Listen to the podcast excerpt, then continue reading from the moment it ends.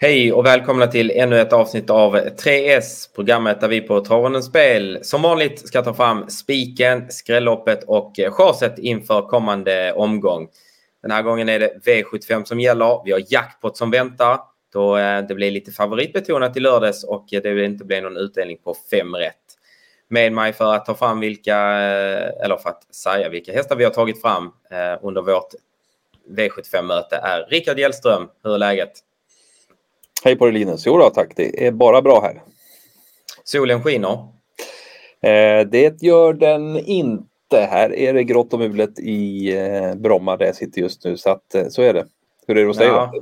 Ja, lite liten glimt av solen faktiskt, så det, det, får man nöja sig med. Det har varit grått och trist i många dagar. Tur att vi har eh, travsporten som eh, är lite glädje i våra liv. Mm, och jackpot på lördag som du sa på V75. Exakt, 41 miljoner beräknar ATG att det kommer ligga i sjurättspotten så att eh, vi ska väl försöka göra vårt bästa för att ni ska lägga vantarna på dessa. Ska vi eh, ta och eh, köra igång? Det tycker jag. Det är väl dags. Då gör vi det. Här kommer spiken.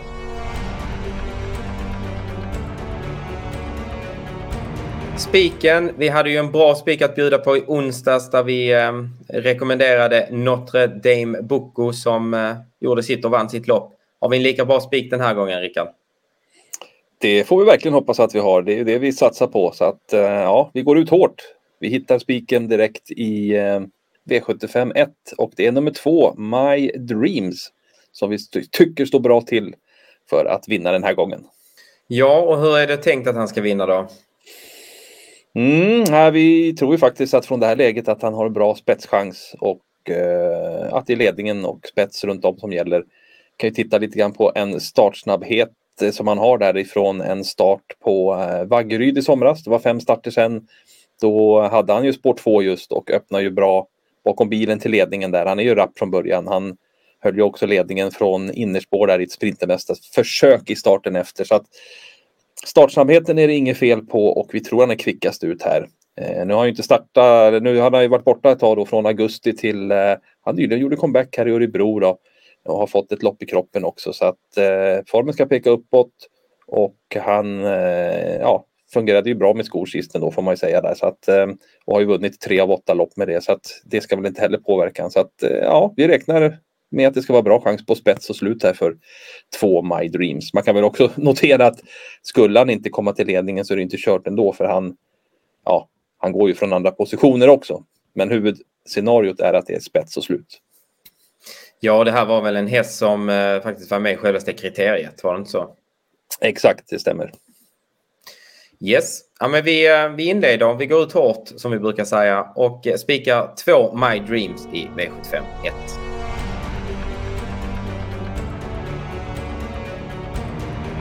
Då går vi till nästa punkt. Då ska vi jaga skräll. Var, eh, eller vilket lopp tror vi det kan smälla, Rickard?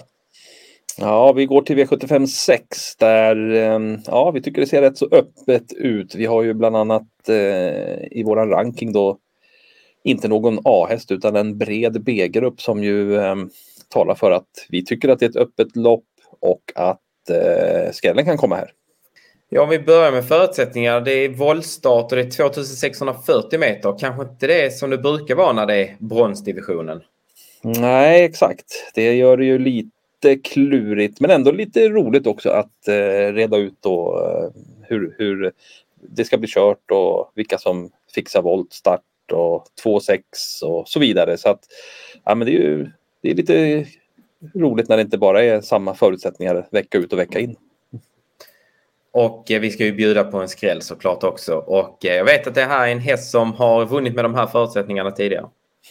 Så är det ju och eh, den vi pratar om då det är nummer fyra Santis Hilton som senast han var ute i voltstart och 2640 meter vann. Det var på Solvalla för fyra starter sedan och vi ser ju här starten där han hade spår 11 den gången då. Men det är ju rätt så snävt spår i voltstart och han eh, kom ju igenom bra där mellan hästar och eh, klarade starten och lite trång situation och sådär. Så att hästen verkar ju rätt stabil i sådana situationer. Så vi räknar med att han kommer kunna kliva iväg rätt bra trots det här fjärde spåret och även få en bra position då.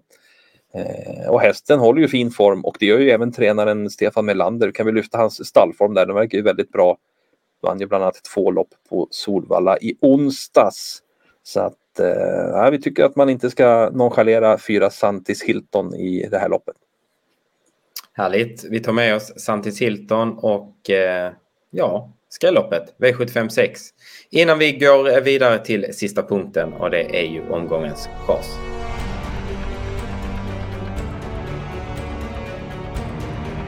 Omgångens chas, då ska vi gå till ett lopp där vi, ja den brukar ligga under en annan rubrik kanske, eller har gjort mycket under året känns det som i alla fall. Vi går till diamantstoet. I det här fallet är det V75 2 och eh, vem chasar vi, Rickard?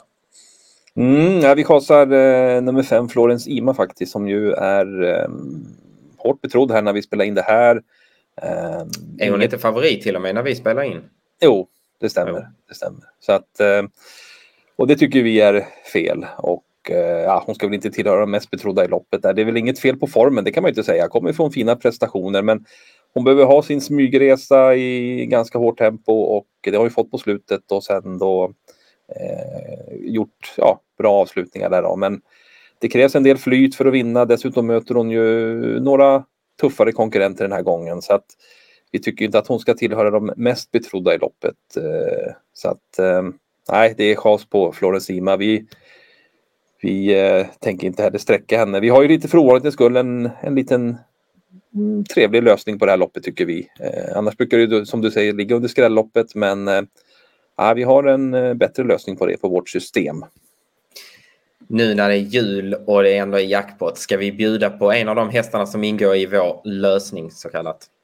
Det tycker jag vi ska göra och Eh, det är nummer tre, Udin Celeber där som ju håller eh, ja, väldigt fin form för dagen. Har gjort eh, ja, fina lopp trots att hon inte har vunnit på slutet. Då. Det var ju fem starter sedan hon vann men har ju fortsatt levererat bra insatser. Och så även senast i Gävle som vi ser här på bilderna när hon avslutar eh, riktigt vast och inte är långt ifrån att hinna fram till seger. Eh, här tycker jag Udin Celeber står bra till i loppet. Borde kunna ta hand om ledningen efter en bit i alla fall.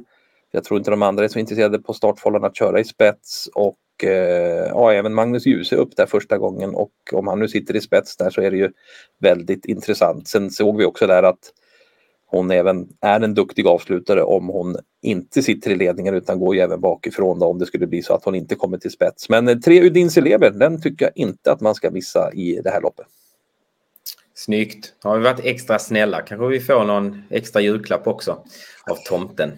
Det får vi hoppas. Eh, vi summerar 3S eh, så här då. Eh, spiken hittar vi V751. Det är två My Dreams som vi tror och hoppas ska leda runt om. Skrälloppet V75 6 där vi gärna vill slå ett slag för fyra Santis Hilton. Och så har vi omgångens chas. Det hittar vi i V75 2 i häst nummer 5, Florence Ima. Där vi istället vill lyfta fram tre Udin Celeber. Lycka till alla och eh, glöm inte, vi kör live-rapportering som vanligt med start 13.00 inne på Travarens spel.